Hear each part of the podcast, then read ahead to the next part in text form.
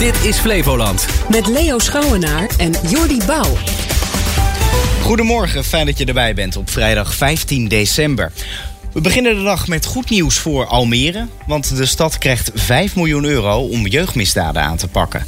Maar de grote vraag is, waar wordt al dat geld nou precies voor gebruikt? Nou, je hoort het zo van burgemeester Hein van der Loo. En een onderscheiding voor een stichting die zich inzet om de mentale gezondheid onder de aandacht te brengen.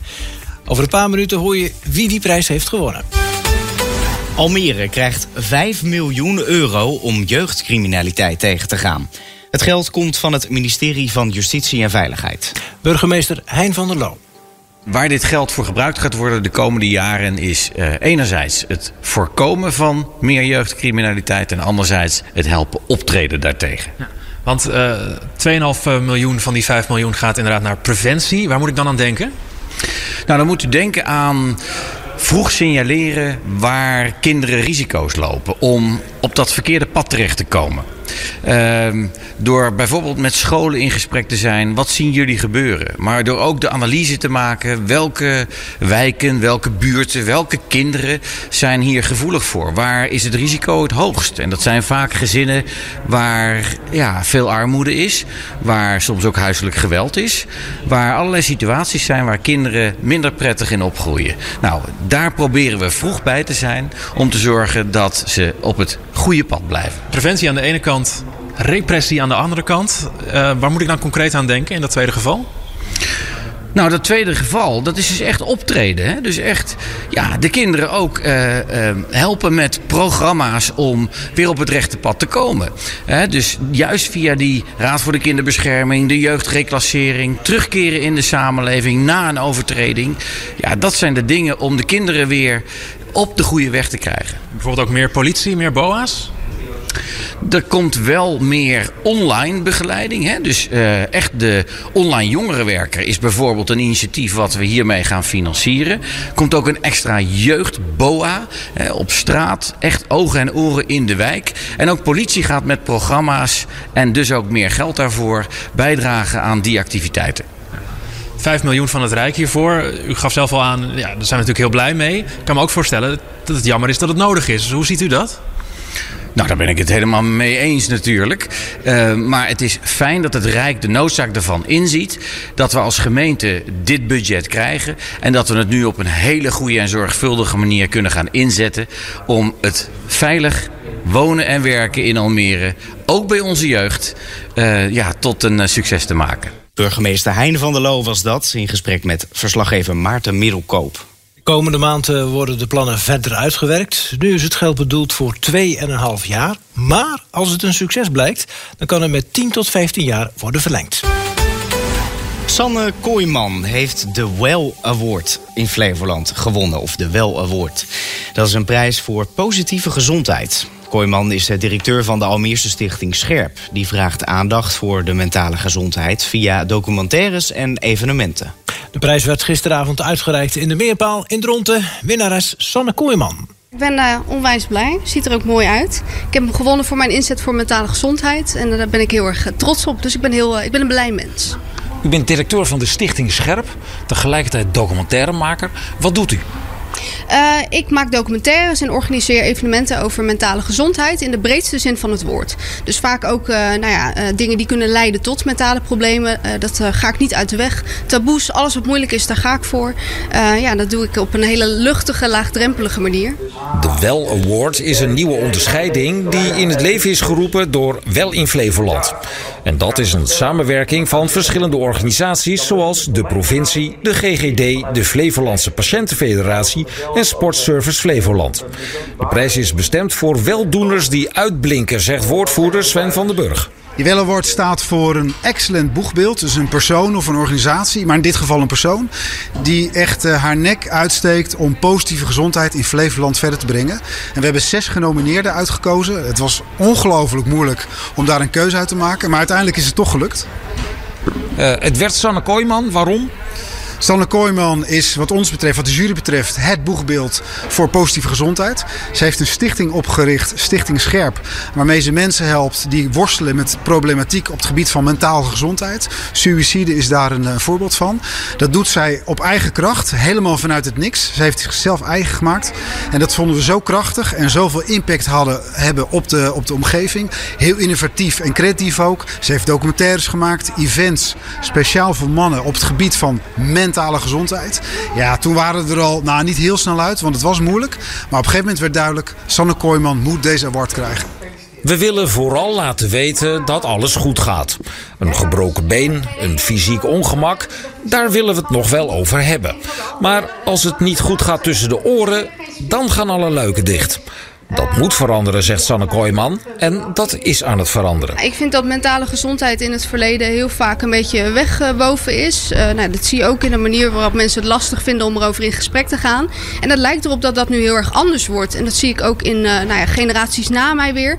Die echt zoiets hebben van ja, we gaan het hier gewoon over hebben. En dat vind ik een fantastische ontwikkeling. Een fantastische ontwikkeling. En dat zei uh, Sanne Kooijman, de winnares van de Well Award. Elk jaar mogen inwoners van Lelystad plannen indienen bij de gemeenteraad om daar geld voor te krijgen. Het lab met twee P's kreeg ruim 13.000 euro van de gemeente. Geld is bedoeld om een eh, ruimte te verbouwen tot een culturele ontmoetingsplek. Norma Karmelk van het lab over het werk van de stichting. Wij zijn een platform voor mensen die een cultureel idee hebben. Dat kan iedereen in Lelystad zijn. En die iets leuks willen doen, die kunnen bij ons terecht, kunnen hun idee geven. En wij gaan daar kijken of we daar iets mee kunnen. En dan kunnen we het in de ruimte doen. Of, en dat kan van alles zijn. Workshops, uh, muziek, uh, een breiklub, verzin het maar. In de oude locatie aan het Kofschip konden bands terecht om muziek te maken. Maar dat pand is oud en gaat tegen de vlakte. Carmelk huurt sinds kort een nieuwe ruimte aan de Grutterswal in het Lely Center. Maar die plek moet eerst verbouwd worden om het geschikt te maken voor culturele activiteiten. Hier komt een podium. Uh, de, de, platen liggen hier al. Uh, er is elektra aangelegd uh, inmiddels. Daar komt een vloer op. en we hebben de boel geschilderd. plafond ook. Um, daarnaast uh, komen de kleden op de grond voor de akoestiek. Uh, er komen platen bovenop het plafond. Dat zijn specifiek akoestische platen om het geluid wat mooier te maken. Want het klinkt nou nog heel erg hol. En dat is natuurlijk niet de bedoeling als je muziek wil maken. Um, nou ja, we hebben dit hele mooie gebeuren. Dat heeft mijn man ooit uh, in ons oude lab kunnen redden van de sloop.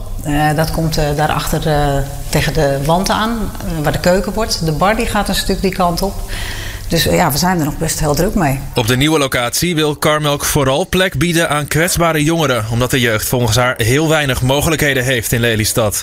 Dat komt omdat de gemeente volgens Carmelk de afgelopen jaren vreselijk heeft bezuinigd op jongerenbeleid. De bedoeling is om hier zoveel mogelijk plek te bieden voor jongeren die nu zeg maar, op straat hangen en eigenlijk heel weinig te doen hebben. Uh, ze kunnen hier muziek maken, een beetje gezellig chillen. Uh, themaavonden, we doen uh, workshops. Ehm, we willen hier ehm, eigenlijk ook de mogelijkheid bieden om bijvoorbeeld een soort hangplek te hebben waar ze kunnen luisteren naar muziek. En huiskamerconcerten in de toekomst weer, want dat deden we in het verleden ook. En daar hebben we dan nu weer plek voor. En bandjes kunnen hier ook oefenen. Nou, genoeg te doen dus daar bij het lab. Norma Carmelk was dat. Wat heb je gisteravond geweest op radio en tv, Jordi? We beginnen bij de radio. In Met het oog op morgen ging het over de terreurverdachte... die gisteren in Rotterdam is opgepakt. Hij zou lid zijn van Hamas en hebben meegewerkt aan een wapenopslag... voor aanslagen op Joodse doelen in Europa. Arabist Leo Kwarten was verrast door dit nieuws. Aanslagen in Europa die eh, vinden, als ze door een organisatie worden gepleegd, is het vaak uh, of IS of in het verleden Al-Qaeda. Dat zou nog kunnen. Of het zijn lone wolves, dat is natuurlijk ook zo. Mensen die uh, bijvoorbeeld individueel ja, geïnspireerd worden tot een aanslag, tot het plegen van een aanslag, door dat, wat er gebeurt in het nieuws. Dus wat er gebeurt in de, in de Gazastrook op dit moment zou bijvoorbeeld een, een lone wolf kunnen inspireren. Maar dat een, een organisatie als Hamas een aanslag geplegen in Europa? Nee, dat is nieuw. En de oorlog in Gaza speelt zeker een rol bij de toename van Hamas-sympathisanten uit andere landen, denkt Kwarten. Zien dat overheden zich eigenlijk veel drukker maakten om die doden die vielen in Israël, dan om de doden die vielen of vallen nog steeds in de Gazastrook. En het geeft natuurlijk bij heel veel mensen met een ja, niet-westerse achtergrond, wonende in Europa, het idee van, ah kijk, uh, mensen met een Arabische achtergrond, die doen er klaarwerkelijk toch minder minder toe. En dat dat mensen kan inspireren tot bepaalde daden, dat kan ik me iets bij voorstellen, ja.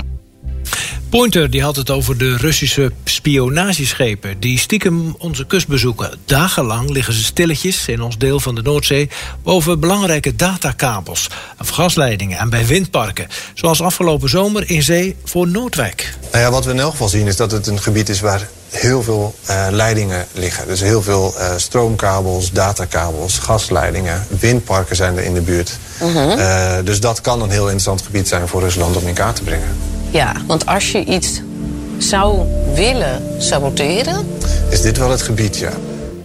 Oud-marinecommandant Rob Kramer is het eens met die analyse. De Russen varen daar maar om één reden. Omdat je dan het heel precies in kaart wil brengen, maar vooral ook de omstandigheden in kaart wil brengen. Nou, uh, zou je denken dat ze dat eigenlijk maar met één doel willen weten. Namelijk mogelijkerwijs een keer dat te saboteren. Uh, Waarom zou je het anders willen weten? Ja, waarom zou je het anders willen weten? Dat is inderdaad een uh, goede vraag, maar ik denk dat u zelf het antwoord op geeft. En dat was gisteravond op Radio en TV. Sportnieuws dan. Het jonge damtalent Matteo Boxum gaat als een speer.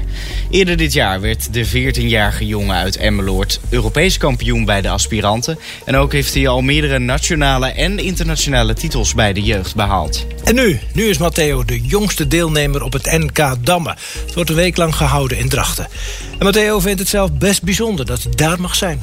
Ja, dat is wel een soort speciaal gevoel. Want je weet dat je een van de jongste ooit bent. Van Emmeloord naar Drachten voor een officieel NK. Het is natuurlijk als debutant sowieso uh, erg leuk. Want uh, ja, een compleet nieuwe ervaring ook. Zijn trotse ouders kijken toe. Vader Alex. Ja, heel spannend uh, en heel uh, verrassend toch wel dat hij zich geplaatst heeft. zeg maar. Hij speelde de halve finales om met name veel ervaring op te doen. En ja, dan is het des te mooier dat hij hier nu, nu kan spelen, dat hij zich geplaatst heeft. En moeder Rut is natuurlijk ook trots op haar 14-jarige zoon. Ja, mooi. Dat is een enorme prestatie. Dat, die hadden we niet helemaal aanzien komen. Voor Matteo is het bij de eerste wedstrijd even wennen. Aan het publiek, de pers, veel meer aandacht dan voorheen voor zijn damkunsten. Het zit in de familie eigenlijk. Uh, mijn vader die damt, mijn uh, broer die damt, mijn opa die damt. Dus uh, zo ben ik eigenlijk ook een beetje in aanraking meegekomen. Hij traint dagelijks. Hij traint onder begeleiding van de KNDB natuurlijk heel veel. Hij speelt veel wedstrijden naast zijn school en alle andere dingen die hij doet. Al heel snel werd duidelijk dat dit geen hobbysporter meer was. En dat hij richting de toptalent ging. Ja, dus uit boeken trainen, online potjes spelen op websites. En ehm, ja, ook wel eens gewoon thuis een paar dampartijen spelen. Ja, lekker tegen je vader. Ja, ook, ja. Hij is nu 14, dat is toch super jong voor het NK? Ja, dat is heel jong. Is dat, ja, normaal ben je wel 5, 6, 7 jaar ouder, zeg maar. Uh, wil je je plaats hiervoor. Maar ja, het, uh, het ging heel voorspoedig. Want mensen denken dat dit, uh, ja, zo van, oh, wat heb jij een geluk. Maar hier werkt hij kei en keihard voor. Na drie uren weet Matteo te winnen van zijn tegenstander. Ik kreeg een dam, dus als je aan de overkant komt, dan krijg je een dam.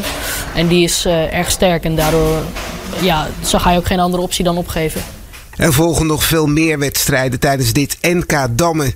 Tot en met volgende week zaterdag duurt het. En de talentvolle Matteo blikt alvast veel verder vooruit. Ik uh, hoop uiteindelijk om uh, bijvoorbeeld een grootmeestertitel te krijgen bij de, bij de volwassenen. En, uh, ja, en het uiteindelijke doel zou denk ik wereldkampioen bij de volwassenen zijn. De toekomst ziet er rooskleurig uit voor dit damtalent. Matteo Boksem uit Emmeloord. In een bijdrage van verslaggever Roger Dankelui. Uh, de berichten van buiten Flevoland. De Tweede Kamer heeft Martin Bosma van de PVV gekozen tot nieuwe voorzitter. Bosma die kreeg wel veel kritische vragen... omdat zijn partij zich vaak negatief heeft uitgelaten... over onder meer het parlement, de rechterlijke macht en de journalistiek. Maar hij zegt vanaf nu neutraal te zijn als voorzitter van de Tweede Kamer. En dat is ook altijd de traditie geweest van de Tweede Kamer. De, tweede, de voorzitter van de Tweede Kamer is altijd uh, knetter, knetterneutraal uh, geweest. En dat zal ik ook doen. En dat zal soms moeite kosten. Uh, maar ik ga dat wel betrachten. En dat hoort gewoon bij de Nederlandse politiek. Dus ik doe nu mijn best voor iedereen en niet meer de best voor, voor mijn fractie. Bosma versloeg tegen kandidaat Tom van der Lee van GroenLinks PvdA. waren wel twee stemrondes nodig. En die stemming was schriftelijk en helemaal geheim.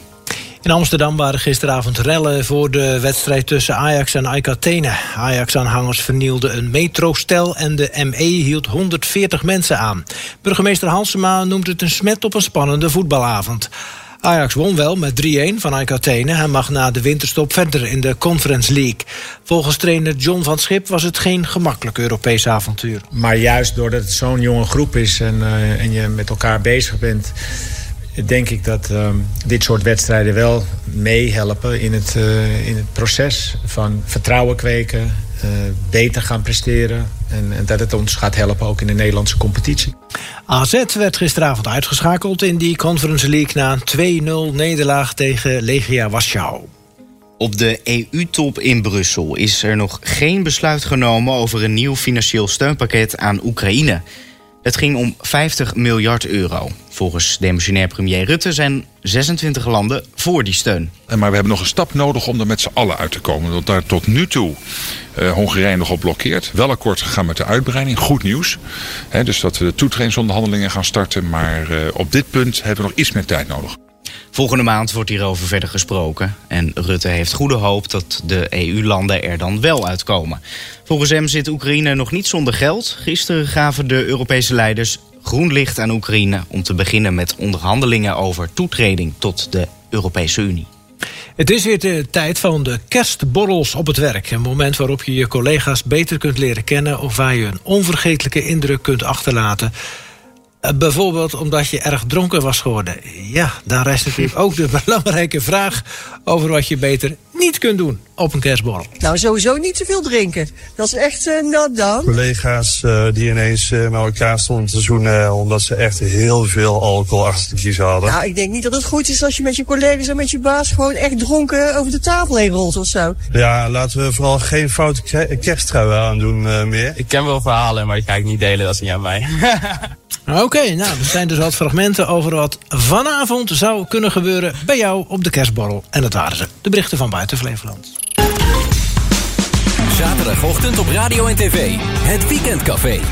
Omroep Flevoland is de gast bij de nieuwe bibliotheek in Almere Stad. Met interessante, bijzondere, opmerkelijke Almeerders... en een goede discussie over Almeers nieuws. Kom op de koffie en praat mee over actuele zaken in jouw gemeente. Elke uitzending vanaf locatie bij jou in de buurt. Het Weekendcafé. Kijk, luister en praat mee.